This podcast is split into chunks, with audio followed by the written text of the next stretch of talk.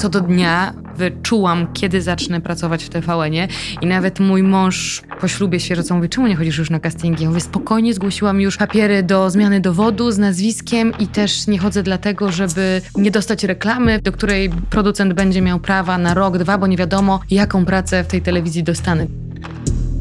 Cześć, z tej strony Kacper Majdan, a ty słuchasz mojego nowego podcastu. Każdy ma jakieś wyobrażenia na czyjś temat. Czy warto je weryfikować z rzeczywistością? Ja uważam, że tak. Właśnie dlatego stworzyłem swój podcast. To miejsce, gdzie moja ciekawość zderza się z gośćmi ze świata mediów, muzyki czy kina. Sprawdź moje rozmowy i podziel się swoją opinią w Apple Podcast. Jest idealnym potwierdzeniem definicji, że marzeniami powinny być cele z odroczonym terminem realizacji. O aktorstwie, medialnych planach i drodze do TVN-u rozmawiałem z Anną Dec.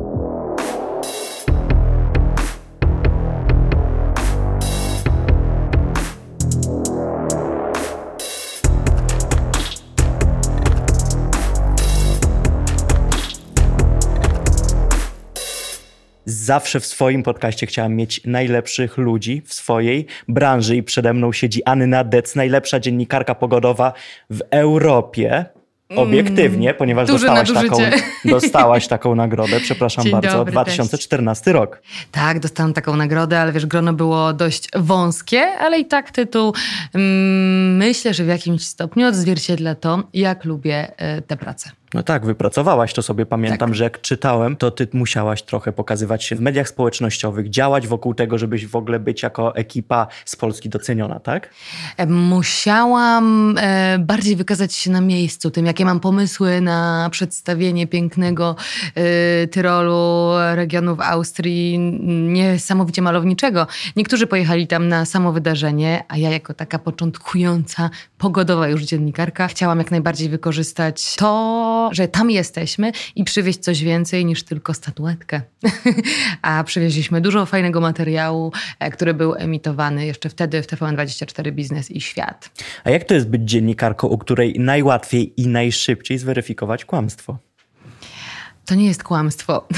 Nieprawda. nie ma czegoś takiego w pogodzie, jak mijanie się z prawdą, nieprawda? No słuchaj, Natura- ale tak odbior, odbierają Tak, to widzowie, to że prawda. powiedziałaś jedno. Miało być tak, a jest No tak. właśnie, wychodzi, to jest Ale krótka piłka. To trz- wcale nie jest taka krótka piłka, bo to trzeba mm, po prostu umiejętnie mówić. Trochę dyplomacji się tu przydaje, dlatego że mówimy, jakie jest największe pogodowe prawdopodobieństwo w wyliczeniach naszych synoptyków, ale ja zawsze staram się przedstawić inny możliwy scenariusz, że według tych układów barycznych, które mamy teraz nad Europą, tego, co dzieje się dookoła nas, za naszymi granicami.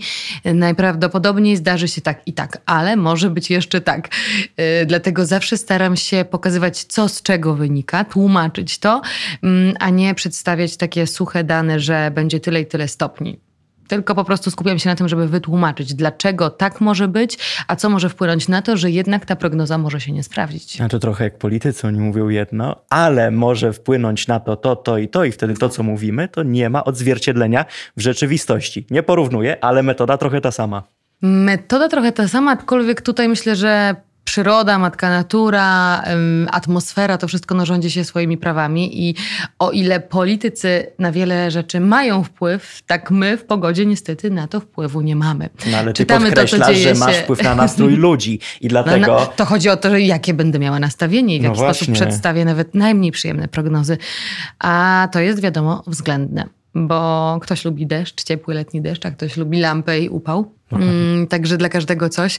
No i każda mm, pogoda coś ze sobą niesie, nie ma złej pogody, jak to się mówi, pomijając kataklizmy, no bo to akurat jest coś bardzo niepożądanego, co jest wynikiem zmian klimatu, działań człowieka, nie ukrywajmy i akurat to jest taka rzecz, o której e, niezbyt przyjemnie nam informować. Na szczęście na tych antenach, na których pracuję, e, mało mówimy o tym, co dzieje się za naszymi granicami. Kiedy pracowałam dwa lata, nieco ponad w TVN24 Biznes i Świat, wtedy miałam za zadanie nie tylko przedstawiać prognozy pogody, ale opowiadać o wydarzeniach pogodowych, jakie dzieją się na świecie, też o kataklizmach i przyznam, że to naprawdę wpływało na Aż tak bardzo? aż tak bardzo. Dlatego zrezygnowałam z kariery w newsach. Okej, okay, faktycznie kiedyś powiedziałaś o tym, że za bardzo się przejmujesz, za bardzo się angażujesz Jestem i w pewnym momencie zjadłyby ciebie Tak. też przy okazji ambicje, bo ty dużo rzeczy lubisz wiedzieć. Lubię dużo rzeczy wiedzieć. Czasem lubię mieć ostatnie słowo, a to nie zawsze się No ale pointa to jest bardzo telewizyjne. To prawda, to jest bardzo telewizyjne i cieszę się, że jakby mam wokół siebie ludzi, dla których nie jest to dużym nadużyciem i e, rozumiemy się i czuję się dobrze wśród swoich po prostu z tymi samymi może potrzebami, ambicjami, cechami charakteru, takimi uwarunkowaniami do pracy w telewizji, bo tak na życie wśród bliskich, jeszcze którzy żyją poza wielką aglomeracją, no to czasem bywa trudno. Ile razy miałaś wyrzuty sumienia, że pogoda, którą zapowiedziałaś, minęła się z prawdą? Miałaś w ogóle kiedyś Ani takie... razu. Ani razu. Czyli nie masz razu. sumienia. Nie mam sumienia. Moja wina, moja wina. Moja bardzo wielka wina.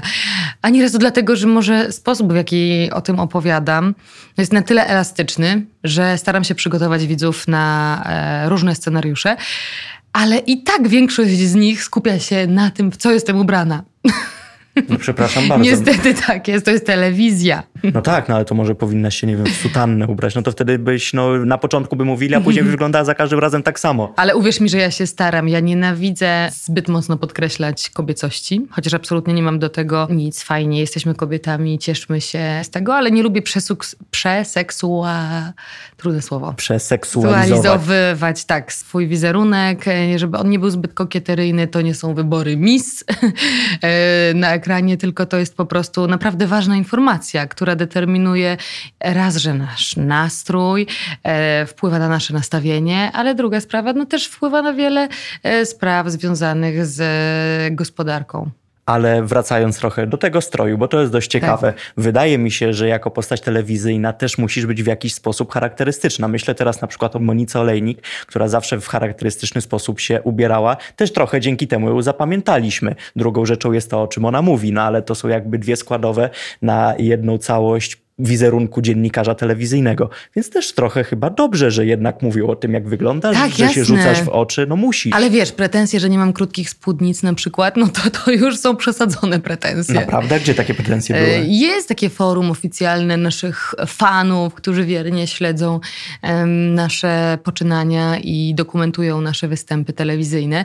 Też piszą już teraz częściej na naszych socialach wiadomości, dlaczego nie założyłam sukienki, spódnicy, dlaczego przeważnie noszę spodnie, dlaczego noszę oversize'owe rzeczy. Ja takie lubię. No i poza tym nie porównujmy mnie do Moniki Olejnik. To jest taka persona, którą absolutnie szanuję i do niej mi bardzo daleko, chociaż łączy nas na pewno zamiłowanie do mody, do dobrej jakości. E, Ja staram się też e, to w swojej pracy przemycać. Od zawsze lubiłam rzeczy vintage. E, Mam słabość do brandów, ale Masz musi... swój brand. Mam swój brand, za którym też idzie bardzo dobra jakość, ale to jest taki bardzo, bardzo młody bobasek. No tak, ale fajny kierunek. A to jest twój plan B, czy po prostu coś, co będziesz sobie równolegle rozwijać ze swoją karierą medialną? To nie jest plan B, bo nie zarobiłabym na tym dużo, dlatego że chciałyśmy tak dopasować z moją wspólniczką ceny, by było to w miarę dostępne. A Tak, właśnie wczoraj tam wszedłem. Pościel za Tak. 600 zł. Matko Boska. Wiesz, co powiedział mi analityk finansowy? sportowy. Że przy tych kosztach, jakie mamy przy wyprodukowaniu takiej pościeli, cle, bo to ściągamy akurat z Indii, z małych manufaktur, w których barwią naturalnie, bielą naturalnie te tkaniny. Roślinnie. Tak. E, Wyczytałem. to nam się to nie opłaca i powiedział, że taka pościel powinna kosztować półtora tysiąca minimum. E, Także musimy się zdecydować, czy nawet konsultowałam to z trenerami biznesu i wszyscy podsumowali, że mamy za niskie ceny. Ja mówię, dajcie nam szansę, dajcie nam szansę. Oni mówią, no ale jak chcecie na tym zarabiać, no to nie zarobicie. Mówię, dobra, zobaczymy. Na razie też jest tak, że finansujemy to wszystko same. Ja też chcę pokazać ludziom, wiadomo, no mamy tego naprawdę bardzo, w bardzo małych ilościach i chcę tej grupie odbiorców, która jest naprawdę tym zainteresowana i czegoś takiego potrzebuje w swoim domu, w swojej szafie, chcę otulać się tkaninami maksymalnie naturalnymi, które też nie nadają się do wszystkiego. Po prostu chcę pokazać im, żeby spróbowali, czy chcą więcej. Sprawdzamy, co się najbardziej e, przydaje, co się najlepiej przyjmuje u nich. To jest też taka forma edukacji na ten moment, że edukujemy pokazując im, co można zrobić z takich tkanin, dzianin farbowanych roślinami. Przy okazji wykorzystuję swoje zasięgi i zachęcam, zapraszam marki mm, do współpracy, które zajmują się na przykład rzemiosłem, e, czy produkują świetnej jakości olejki eteryczne, żeby produkować takie kapsułowe serie produktów, których ja też potrzebuję w domu bo w naszym domu, w mieszkaniu, ale dla mnie mieszkanie to jest dom, bo to chodzi o ludzi, e, o serce, miłość, już mówiąc Aż, tak górnolotnie. Tak. tak. Twoim domem powinna być wiertnicza, hello. Zawodowo jest. Uwierz mi, marzyłam o tym naprawdę od dziecka, żeby wiem, tam pracować. Wiem, że Jesteś marzyłaś. dobrze przygotowany. Starałem się. się. E, wiem, że marzyłaś i to w ogóle to jest bardzo też fajna droga, którą pokonałaś, bo nie miałaś łatwo, co też wiele razy podkreślałaś. E, ale... Nadal nie mam łatwo. To może coś zdradzisz? To znaczy, jak wyglądały te początki, czy jak nie, jest teraz? Nie, dlaczego teraz nie, ma, mm. nie masz Ja mam wrażenie, że już tyle, ile mogłam zrobić, przychodząc znikąd tak naprawdę, no znikąd, z mojego malowniczego Podlasia, ale jako osoba zupełnie nie mająca żadnych znajomości w branży. Mm, nie mówię, że to jest jakby jedyna droga przez znajomości, ale, ale domowe robią. Jest. Trochę jest, ale to też nasza zawodowa droga polega na tym, żeby budować relacje i nie ukrywajmy, po to jesteśmy na rynku. Ja w ogóle zaczęłam bardzo wcześnie pracować jako nastolatka, dlatego, żeby wyrabiać sieć kontaktów, po prostu, żeby tu kogoś poznać, tu kogoś poznać i wbrew pozorom drogą do spełnienia moich zawodowych marzeń związanych z TVN-em nie były studia dziennikarskie i staże w redakcjach, tylko właśnie trudniejsza praca, która nie wiązała się zupełnie z tym bezpośrednio i wiele osób zniechęcało mnie do tego, że po co ci to, już jesteś tym zmęczona, tyle lat to robisz. To było hostessowanie, e, które w tamtych czasach też było bardzo popularne przez wiele dziewczyn, ale to była praca mocno nacechowana stereotypami. E, ja pochodziłam z Podlasia, z bardzo konserwatywnej e, rodziny, też społeczności też z tego względu poszłam na socjologię, żeby trochę zrelatywizować to wszystko i zrozumieć, że można żyć inaczej i nie bać się tej różnorodności, bo żyłam w bardzo hermetycznym świecie i potrzebowałam otworzyć się tak na e, wszystko inne. I mimo, że ta praca kosztowała mnie bardzo dużo, takiego psychicznego wysiłku, żeby udowodnić, że nie jestem taką stereotypową e, dziewczyną, która przychodzi do takiej pracy, tylko naprawdę pracuję. I to się sprawdzało, bo mimo, że nie byłam długonogą gazelą, miałam poniżej 1,70 m wzrostu mm, i nie byłam naprawdę ponadprzeciętnie piękna. E, normalna, taka po prostu dość urokliwa dziewczyna z Podlasia po prostu, ale która lubiła pracować, zawsze lubiła wiedzieć więcej, zabezpieczyć trochę tyły, żeby być przygotowana na różne sytuacje i też to nastawienie. Mm, było zauważone po prostu przez tych, którzy zatrudniali mnie do tych wydarzeń i ja wtedy nie owijałam w bawełnę. Mówiłam, bo też zdarzało mi się pracować na eventach um, organizowanych przez TVN i mówiłam, że ja mam większe jeszcze ambicje, chcę pracować u Was i to na antenie, najlepiej w programach lifestyle'owych a może nawet w prognozie pogody. Prognoza pogody w ogóle była takim punktem wyjścia, bo widziałam, jak realizują się dziewczyny i e, chciałam, żeby to było takie bezpieczne miejsce, bezpieczna przystań dla kobiety, która chce zostać też matką, żoną, prowadzić... No ale telewizja, bezpieczne miejsce? Jest, naprawdę jest bezpiecznym miejscem. Czuję się tam bezpiecznie, czuję się tam dobrze, czuję się absolutnie mm, doceniona, jeżeli chodzi o to stanowisko, na którym jestem, ale mam głód na więcej, zdecydowanie. I Czyli za mało zarabiasz? Biję, nie, biję do różnych drzwi. To nie chodzi o zarobki, chodzi o te ambicje, mhm. wiesz?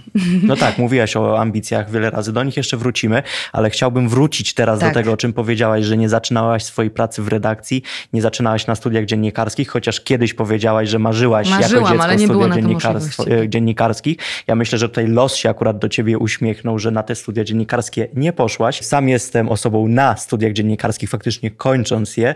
I no niestety, no, nie nauczyłem się niczego przez pięć lat, czego nauczyłem się pracując teraz na przykład z Jarosławem Kuźniarem przez trzy miesiące. Mm -hmm. Tak będąc całkowicie szczerym, przychodzisz na uczelnię jako osoba głodna wiedzy, głodna autorytetu i nie dostajesz ani wiedzy, ani autorytetu. Mm -hmm. Ale trafiłeś na dobry autorytet. Tak, tak, tak, Masz trafiłem. Szczęście. Losy tylko, tylko, że to właśnie e, dąży trochę do tego, że ta droga, którą obrałaś, e, jest o tyle właśnie fajna, że sama sobie stworzyłaś możliwości. I myślę, to że prawda. dzisiaj to jest najważniejsze, żeby samemu stworzyć sobie możliwości. W psychologii pozytywnej to jest mocno podkreślane, czym się trochę bardziej interesuje ostatnimi czasy. Tak, twój Instagram to potwierdza i specjalny hashtag.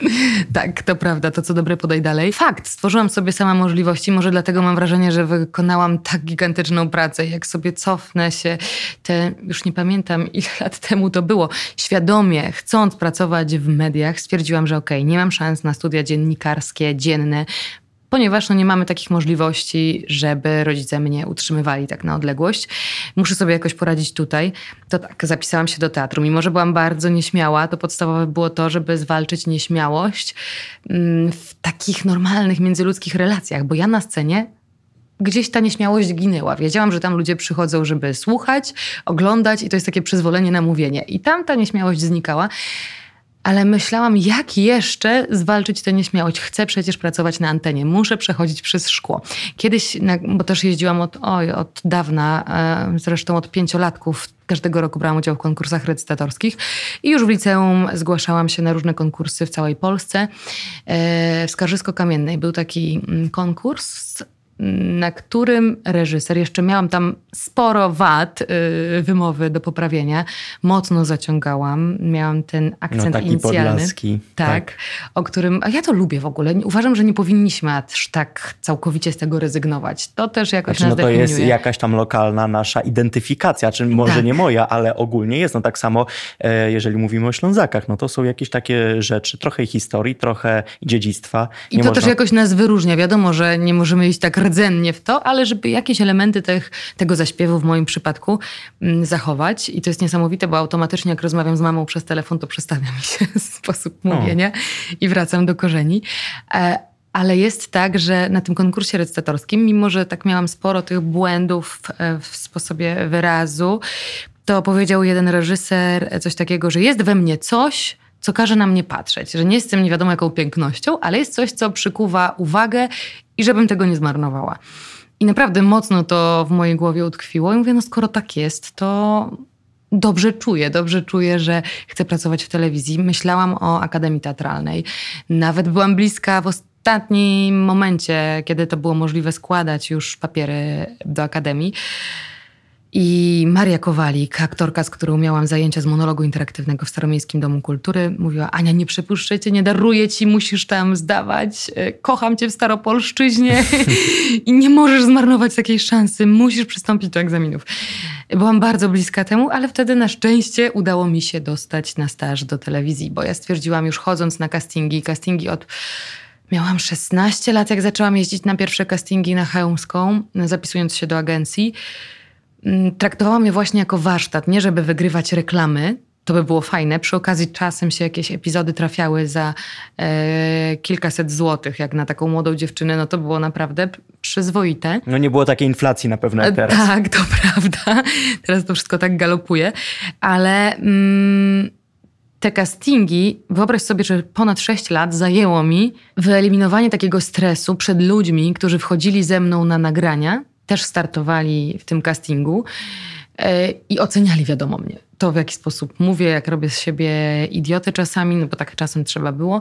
No każdy, mówię, kto chyba zaczyna pracę tak. z mediami, robi na początku z siebie idiotę. Również robiłem, chociaż ja jestem na początku Ale wiesz, drogi. castingi są specyficzne. Najpierw przedstaw się, a później musisz udawać, nie wiem, kaczkę, serek, nie serek, trochę jak egzaminy do szkoły teatralnej. Wyobraź sobie miękki, puszysty serek, albo to czasem bardzo przerysowane postaci. I mówię, muszę przestać się wstydzić tych ludzi, muszę zlikwidować to ciśnienie w gardle, takie ciśnięcie, przepraszam, i dopóki tego nie zrobię, nie będę starała się o pracę w telewizji. Później szczęśliwie trafiłam do mm, takiej mini agencji prowadzonej przez Mirka Rogalskiego, który zaczynał, e, właściwie był od początku faktów. Później on zaczął działać na własną rękę i pracując w jego małej takiej internetowej redakcji nauczyłam się podstaw tak naprawdę tego, że wypowiedź nazywamy setką, tu off, tu wytnij mi Michałki. materiał.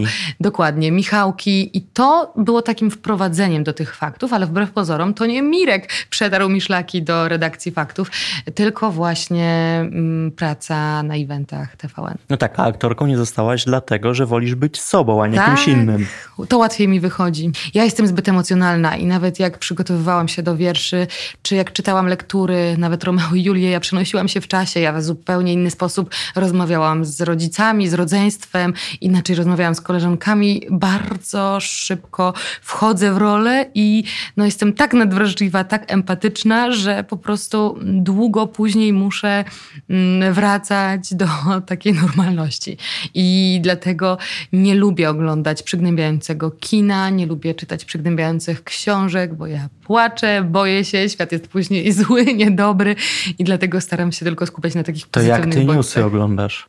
Oglądam bardziej zawodowo, chłodno, ale nie pracując w newsach, e, tak bezpośrednio jak pracowałam, bo zaczęłam pracować w redakcji faktów, e, to wtedy faktycznie naprawdę myślę, że może tam rozwinęło się moje Hashimoto, bo byłam człowiekiem bardzo przejmującym się, a nie miałam jednego swojego mm, reportera, z którym łatwiej jest wejść tak miękko po prostu w dane tematy. Tylko każdego dnia nie wiedziałam, co mnie czeka. Czy dzisiaj wyślą mnie na poszukiwania kogoś, kto napadł na bank? Coś takiego się zdarzało. Czy tu mnie wyślą na obrady PZPN-u? Czy tutaj wyślą mnie na przykład do domu dziecka? E, czy innego dnia do Sejmu? A nawet jednego dnia z pola, gdzie miałam przemoknięte buty, skarpety, musiałam jechać szybko do Sejmu, to musiałam gdzieś kupić po drodze e, nowe skarpetki, żeby po prostu czuć się e, świeżo i schludnie. Mm, A byłam w ciepłym swetrze i też nie wiedziałam każdego dnia, jak się ubrać, czy elegancko, bo będę jechała do Sejmu, czy chociaż to robiłam bardzo rzadko, bo nie, nie czuję się mocna, jeżeli chodzi o politykę. No ale to trochę z pola na pole, jak mówiłeś, że byłaś na polu cała przemoknięta, to metaforyczne pole Trochę e, w tak. Sejmie na No pewno. ale dress code jest zupełnie inny. No tak, szkoda, że dress code nie idzie za manierami. Jakie najdziwniejsze pytanie dostałaś jako pogodynka od osoby, która kojarzy cię jako pogodynka? Nie wiem, na przykład gdzie zakopać zwłoki, albo przy jakiej pogodzie najlepiej się kochać, albo przy jakiej pogodzie najlepiej się Żadnych kradnie auta. nie było. No nie wiem, mi się wydaje, że jako osoba rozpoznawalna z pogody, no to powinnaś takie rady, Wiesz, prośby o rady ktoś dostawać. mnie spotyka na ulicy, to nie pyta mnie o sprawy związane z pogodą. Tylko czy może zdjęcie? E, Nie, nawet nie o zdjęcie, ale radzi się w różnych ludzkich tematach, problemach. E, A w dzieli jakich problemach? Się W jakich problemach ktoś e, stawia ciebie jako autorytet, skoro się bardzo dużo kobiet mm, darzy mnie zaufaniem i zwierza mi się naprawdę z bardzo intymnych problemów, e, też z bardzo prywatnych, trudnych sytuacji i szuka pocieszenia. Też chce mi się po prostu z tego zwierzyć. Jestem tym trochę onieśmielona, ale tak też było. Mm, Z domu też to wyniosłam, że rozmawiałam z mamą od naprawdę młodego wieku o tematach tabu, których tak naprawdę dzięki temu w domu nie było. Ale zamiast do pogody właśnie wiele kobiet otwiera się i opowiada mi, że zdecydowały na przykład tak w kwestiach, nie wiem, no, relacji damsko-męskich. Tu postanowiły się rozwieść, traktują to jako porażkę e, czy dobrze do tego podchodzą. Nie mogę im absolutnie ekspercko radzić, bo ekspertem nie jestem, mimo że gdzieś tam e, no, skończyłam socjologię, licencjat z tego zrobiłam, później komunikację społeczną i PR. Teraz ta psychologia pozytywna weszła mocno w zakres moich zainteresowań, ale nadal e, nie mam na tyle rozwiniętej tej praktyki, by czuć się takim mocnym nawet coachem. Ale Owszem, jest to gdzieś, w, jest to potencjał, który ludzie sami we mnie dostrzegli i gdzieś mi to podpowiada, że może to jest kierunek, który powinnam obrać równolegle do tego kierunku medialnego, ale może jestem trochę zbyt skromna, może mam za mało wiary w siebie, że ja miałabym. Czy wiesz co, z takim doświadczeniem nie możesz mówić, że nie masz za dużo wiary w siebie. No nie, uwierz mi, cały czas jest za Naprawdę mało po takim przejściu, po Tak. takiej drodze, która no raczej była wyboista, nadal masz problemy z tym, żeby uwierzyć w siebie? Tak, nadal mam problemy. Okej, i jak Duże. sobie, sobie z tym radzisz? No, patrzę z tej perspektywy, ile zrobiłam, jak e, sama osiągnęłam to, co osiągnęłam, ciężko to wypracowałam. E, Jak naprawdę trudne było utrzymanie się na takim bardzo przyjemnym w mediach miejscu, jak redakcja pogodowa, bo jest to naprawdę, uważam, że najprzyjemniejsze miejsce dla kobiety.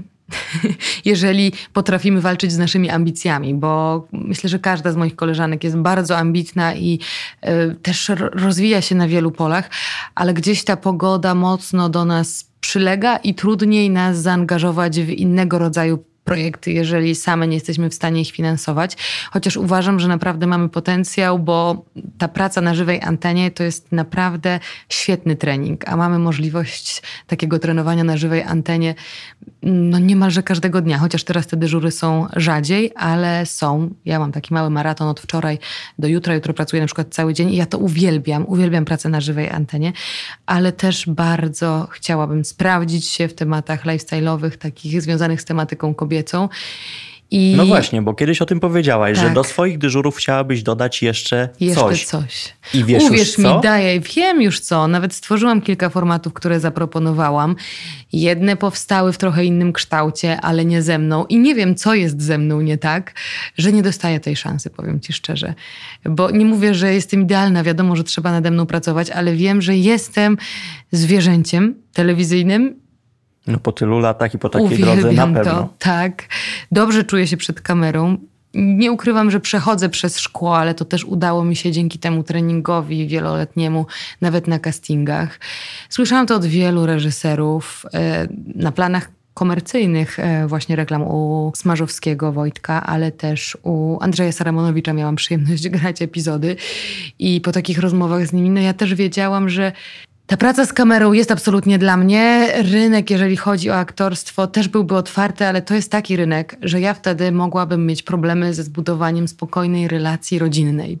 Dlatego, że tak mocno, wiesz, przyjmuję emocje innych na siebie, że musiałam wybrać, czy idę w, naprawdę w taki brutalny świat różnych bardzo intensywnych emocji i we wczuwanie się e, po prostu w życie różnych mm, ludzi i postaci. Czy wybieram swoje życie, wiadomo, też e, nacechowane różnymi emocjami, stresem permanentnym, chociaż teraz ta praca mnie nie stresuje, akurat czuję się w niej bardzo komfortowo, chyba że są jakieś nowe wyzwania, wtedy jest taki dreszczyk emocji, adrenaliny, Mm, ale na pewno aktorstwo przekładałoby się na moje życie rodzinne, a ja już wtedy byłam związana z moim mężem. E, Jeszcze nie byliśmy małżeństwem oczywiście, ale to jest facet z takiego normalnego świata. E, Poznany na peronie. Tak, po spotkany napisał. raz na peronie. Tak, no, spotkany. Zauważony i serce mi mocniej do niego zabiło.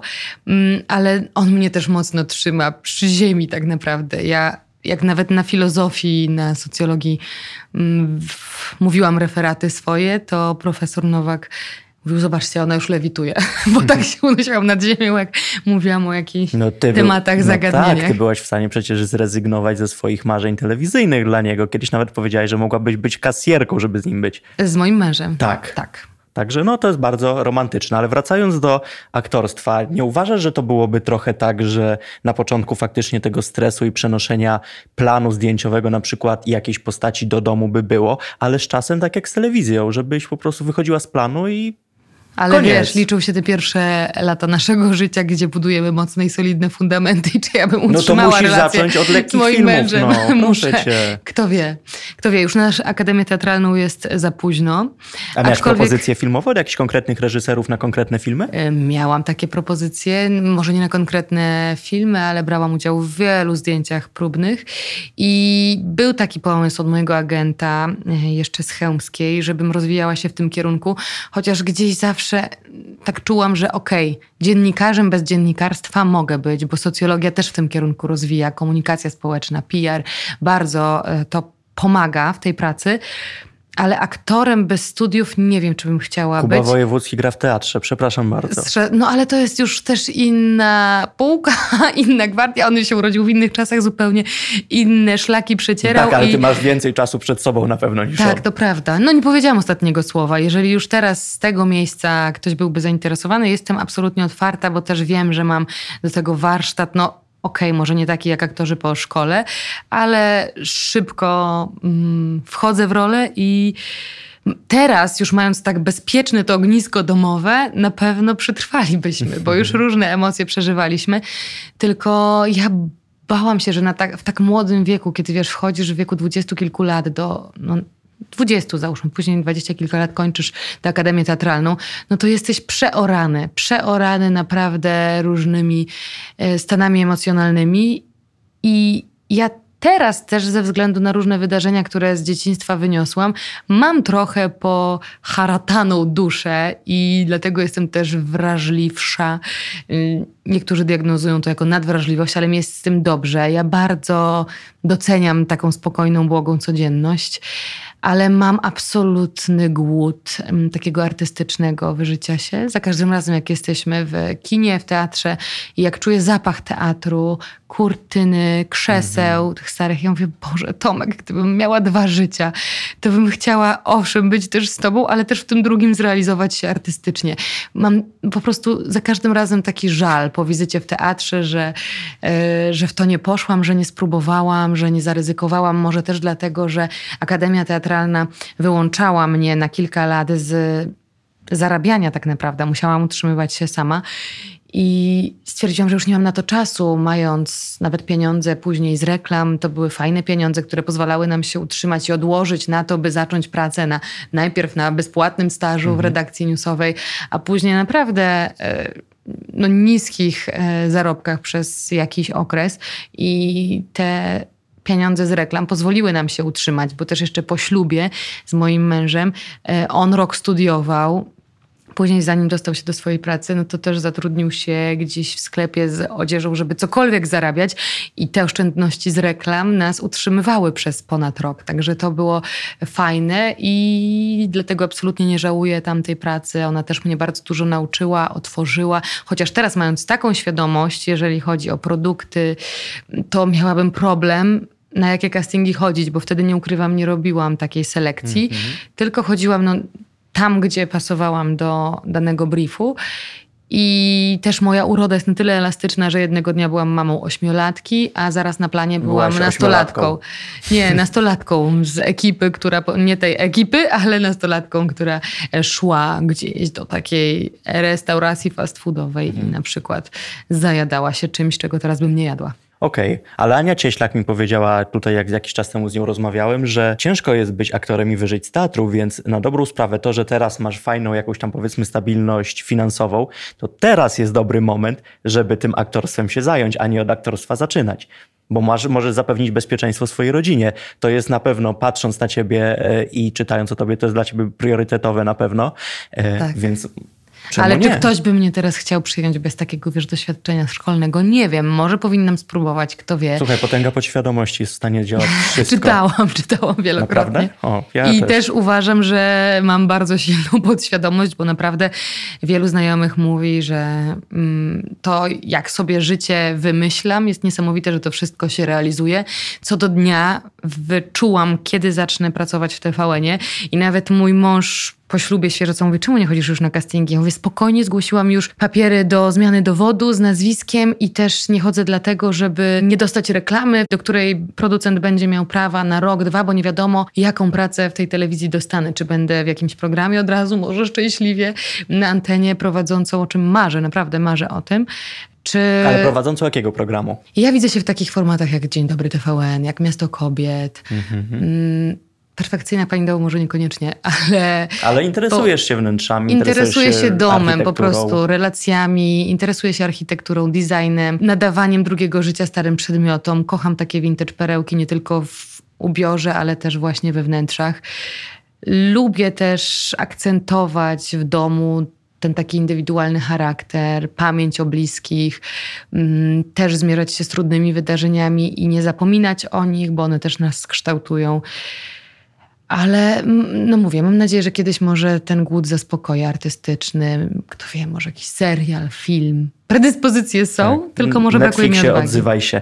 A wracając trochę do tego, o czym mówiliśmy. Trochę o bezpieczeństwie, jaki zapewnia ci praca y, osoby, prezenterki od tak. pogody, bo nie lubisz słowa pogodynka. No tak, nie lubię, masz rację. Trochę też nawiązując do tego, co powiedziałam o Kubie Wojewódzkim, patrząc na to, co zrobił ostatnio, informacją, że odchodzi z TVN-u, dzisiaj tą informację sprostował, troszeczkę zagrał na nosie wielu celebryckim dziennikarzom, takich określę. Mhm. Nie miałaś kiedyś ochoty zrobić czegoś takiego właśnie no właśnie czegoś że takiego. Odchodzę? Nie, nie, nie chodzi mi o to, czy odchodzisz, czy nie, tylko tak zszokować ludzi, żeby zrobić po prostu jakąś burzę, trzęsienie ziemi. No on to wczoraj zrobił, robił to nie raz, wiele osób coś takiego e, czasami robiło. Trochę, żeby zwrócić na siebie uwagę, ostatecznie też, żeby zwrócić uwagę na poziom dziennikarstwa w Polsce nie miałaś kiedyś ochoty, żeby po prostu tak odpiąć medialnie, zrobić coś takiego nieszablonowego? Nie, dlatego że to nie jest w moim stylu. Happeningi różne robiłam też na studiach e, socjologii, żeby trochę mhm. te, zaburzyć e, społeczną kontrolę na co dzień, ale jeżeli chodzi o dziennikarstwo, ja nadal czuję się gdzieś na początku takim kotem,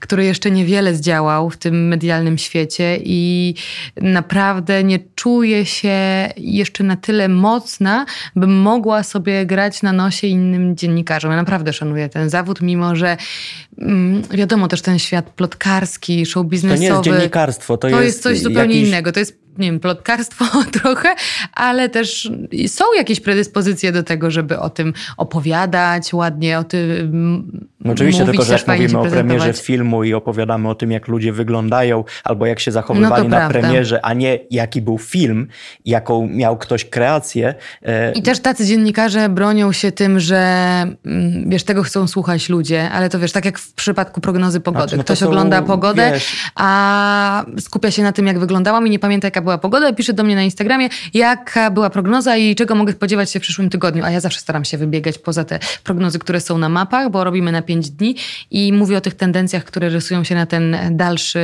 okres. Tutaj tak samo, no ludzie niby tego chcą, to jest nośne, chwytliwe, klika się. Też zrozummy to, że pracują te osoby na wynik w redakcjach swoich, ale faktycznie za mało jest tych treści związanych z celem, w jakim tu przyszli, czyli że jesteśmy z okazji premiery filmu właśnie i żeby o tym powiedzieć, żeby skupić się nie tylko na aktorach, ale na tym, kto e, ten film reżyserował, kto odpowiadał za mm, scenariusz.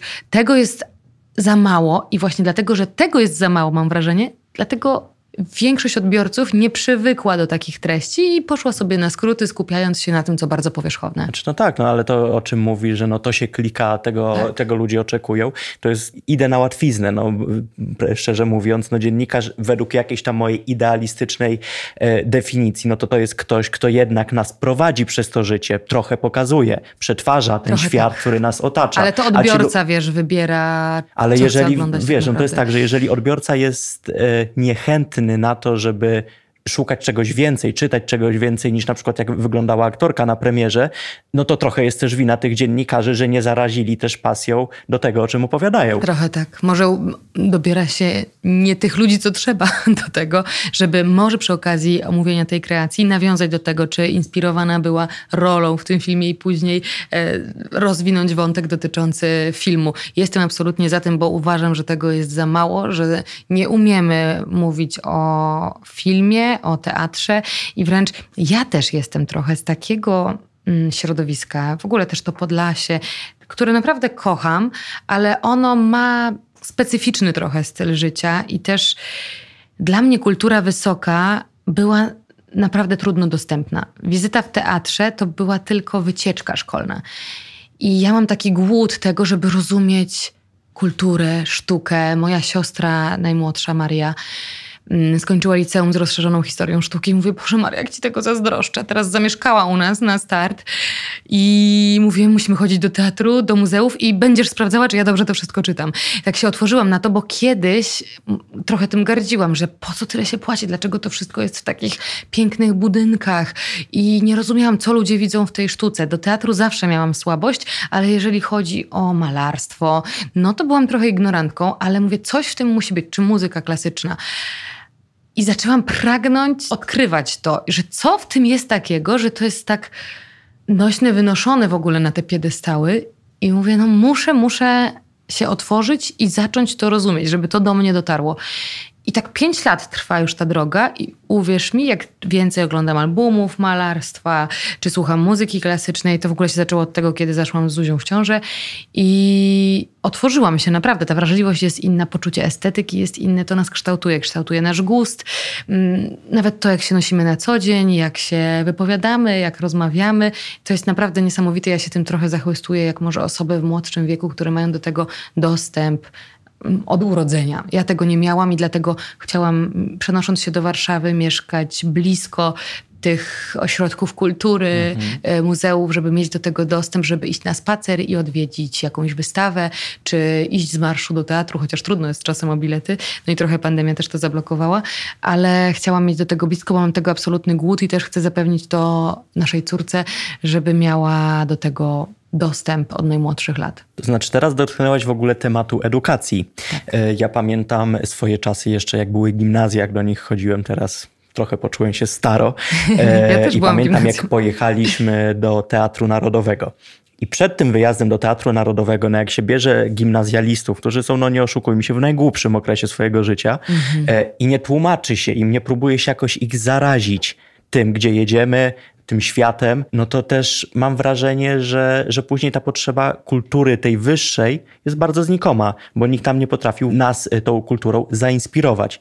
Ja pamiętam, że jak wtedy pojechaliśmy do Teatru Narodowego w czasach mojego gimnazjum, e, kompletnie nie wiedziałem czego się spodziewać. Jakichś takich podstawowych rzeczy nam nie przekazywano. Później się okazywało, że my e, jako taka ekipa, powiedzmy ja nie byłem prymusem w szkole i tego nigdy się ja nie, nie, nie ukrywam, za to poznałem ludzi, z którymi mam kontakt do tej pory. My zawsze byliśmy takimi ludźmi, którzy raczej częściej lądowaliśmy u dyrektora niż e, na na przykład jakichś konkursach, mhm. ale później wyszliśmy z tego teatru i mówię, wow, Prawda? W sensie, że tacy, tacy ludzie, którzy no, są... Ale fajnie, że sami to odkryliście, bo akurat moi rówieśnicy to byli rozczarowani, że ojej, znowu do teatru. Tak, ale wiesz... A ja ma... nasycałam się wszystkim, zapachem, zapachem tego miejsca i do tej pory... Ale ja mam trochę żal, że nikt mi tego później, jak wróciłem z tego teatru, nikt mi tego dalej tej pasji, może nie tyle co pasji, ale zainteresowania i zachwytu we mnie nie A pielęgnował. Jesteś? Z Lublina. Z Lublina, czyli też właśnie w krańce wschodnie, peryferie i też chociaż Lublin jest pięknym miastem, jeżeli chodzi na w ogóle Jezu, starówka jest przepiękna. Cudowna.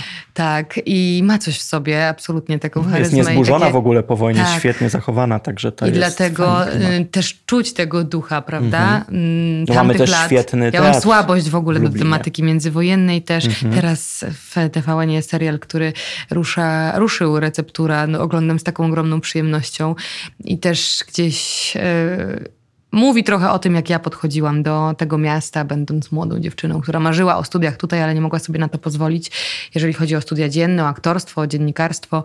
No ale udało się na magisterce, to było co prawda już prywatnie, tylko wtedy, jak już wiesz, człowiek zarabiał, bo wracamy do punktu wyjścia, o czym mówiliśmy, że ten byt rodzinie, żeby mhm. zapewnić, to wiedziałam, że nie mogę teraz z tego momentu zarabiania, kiedy wiem, że my nie możemy na nikogo polegać, musimy liczyć tylko na siebie, nikt nas nie utrzyma w tym mieście. Nie mogę raptem na trzy lata wyłączyć się z życia takiego zawodowego, z zarabiania, bo już zaczęłam zarabiać i już chcę zarabiać. Nie, nie miałam takiej Musisz oszczędności. Muszę zarabiać, tak, dokładnie.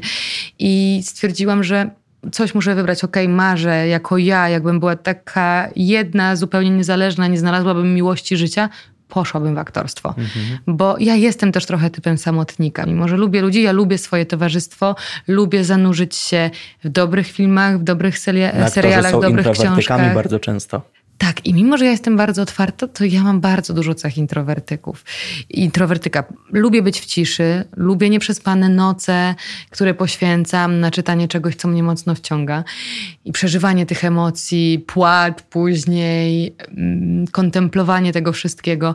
Także jakbym była sama, nie znalazła miłości życia, w ten artystyczny świat od początku bym poszła ale dlatego, że znalazłam miłość życia i doceniam to absolutnie, bo wiem, że to nie jest takie oczywiste i proste, to wiem, że z czegoś trzeba rezygnować. Miłość to wyrywanie chwastów własnego egoizmu.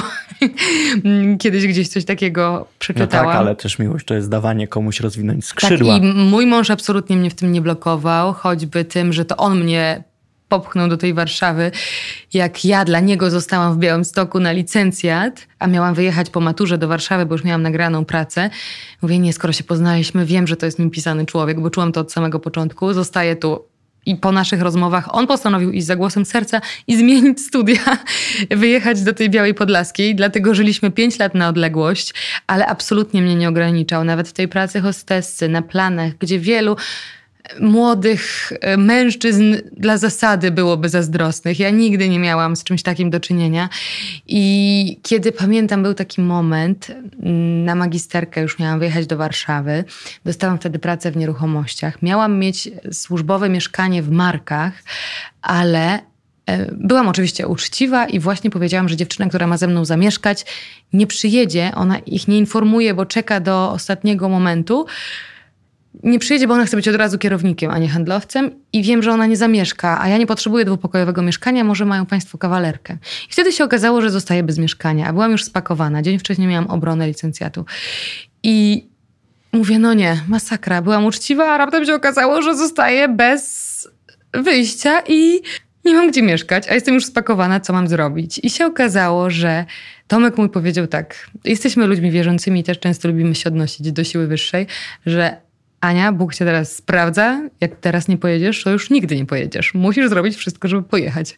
Nie rezygnuj teraz. Jak to pokonasz, tę barierę, to już się wszystko uda, zobaczysz. Co zrobiłam? Uruchomiłam wszystkie możliwe kontakty właśnie z hostessowania i jedna z koleżanek, e, Krysia, z którą pracowałyśmy wiele lat, przyjęła mnie do swojej kawalerki mm, w Rembertowie, którą wynajmowała, najmowała trochę od cioci, która miała przerwę w wakacje od tego i tam mieszkała z koleżanką, która mnie nie chciała za bardzo, było to nieprzyjemne, ale ona Czyli mówi... we trzy mieszkałyście w kawalerce. W kawalerce, tak. I jeszcze był chomik, a ja się boję chomików i przygody z tym chomikiem były okropne. Ile miałaś nieprzespanych nocy przez chomika? Ja jak byłem mały, miałem chomika I tak około trzeciej rano on uznał, że to jest najlepszy moment, żeby I być był głośno. Na mo, albo był na mojej klatce piersiowej i budziłam się z tym chomikiem na klatce piersiowej, bo uciekł z klatki.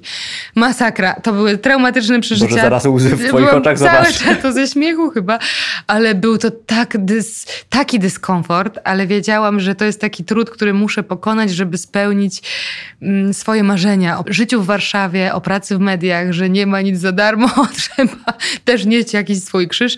Trwało to miesiąc, niecały w sumie. i Ja modliłam się naprawdę dużo. To jest może też ta potęga podświadomości.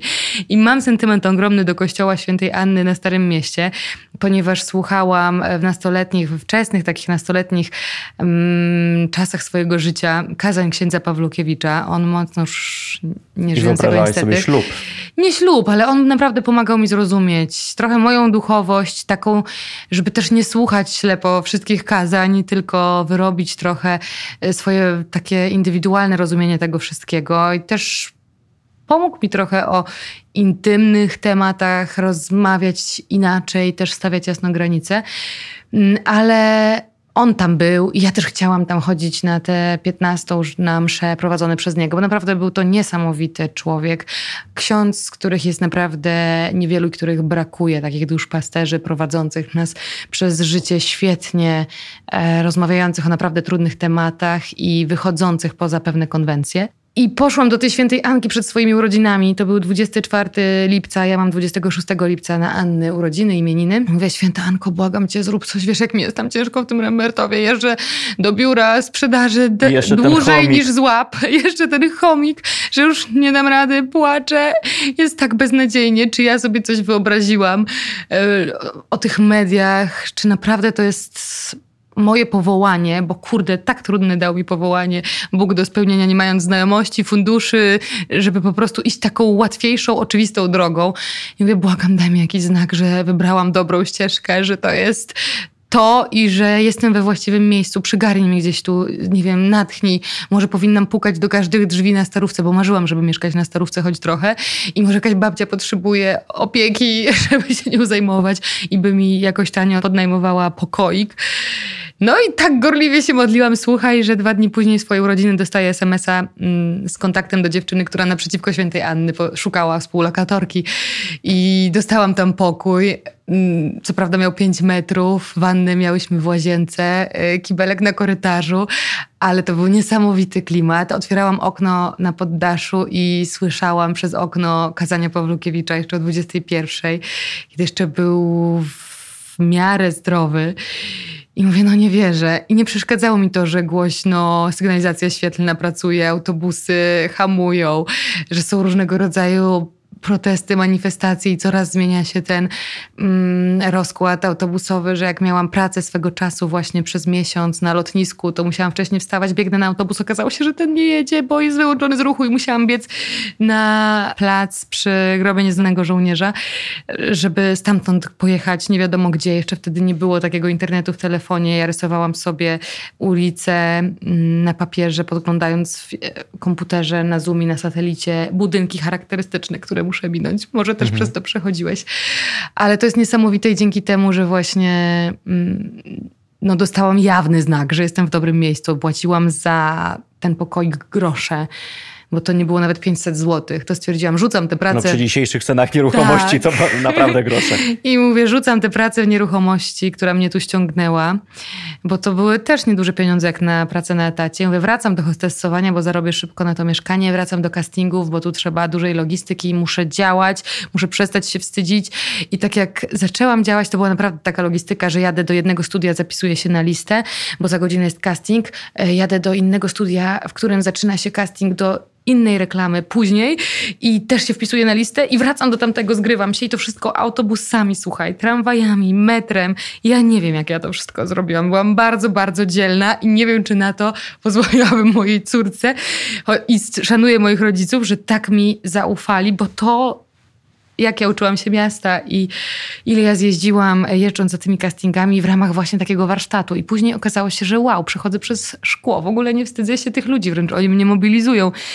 I raptem kampania za kampanią. I to było takie super, że wow, fajnie, bo na te wynagrodzenie czekało się trzy miesiące, to nie wydawałeś tego od razu i zebrała się fajna mhm. suma. Mm, I po prostu były te oszczędności, bo te kampanie udawały się rok przed ślubem. Mogliśmy pokryć koszty znaczące naszego wesela. Chcieliśmy mieć duże wesele na Podlasiu. I później mieliśmy na życie mm, ponad rok. Pracując właśnie już, mogłam sobie wtedy pozwolić na rezygnację z castingów, a na staż w redakcji newsowej i później zaczęcie swojej kariery w Mm, TVN-ie, a marzyłam od dziecka, żeby tam pracować. No wymarzyłaś sobie życie, które teraz masz, więc ja jedyne, tak. co chciałbym ci tak na koniec dodać, to miło byłoby cię zobaczyć właśnie w czymś artystycznym, w teatrze albo na ekranie, o. to byłoby super. Kto wie, pobudziłeś jakieś takie moje Teraz przecież musisz teraz. sobie to wizualizować, tak, pamiętaj o tym. bardzo mocno. Anna Decy, dziękuję bardzo. Dziękuję ci bardzo za zaproszenie.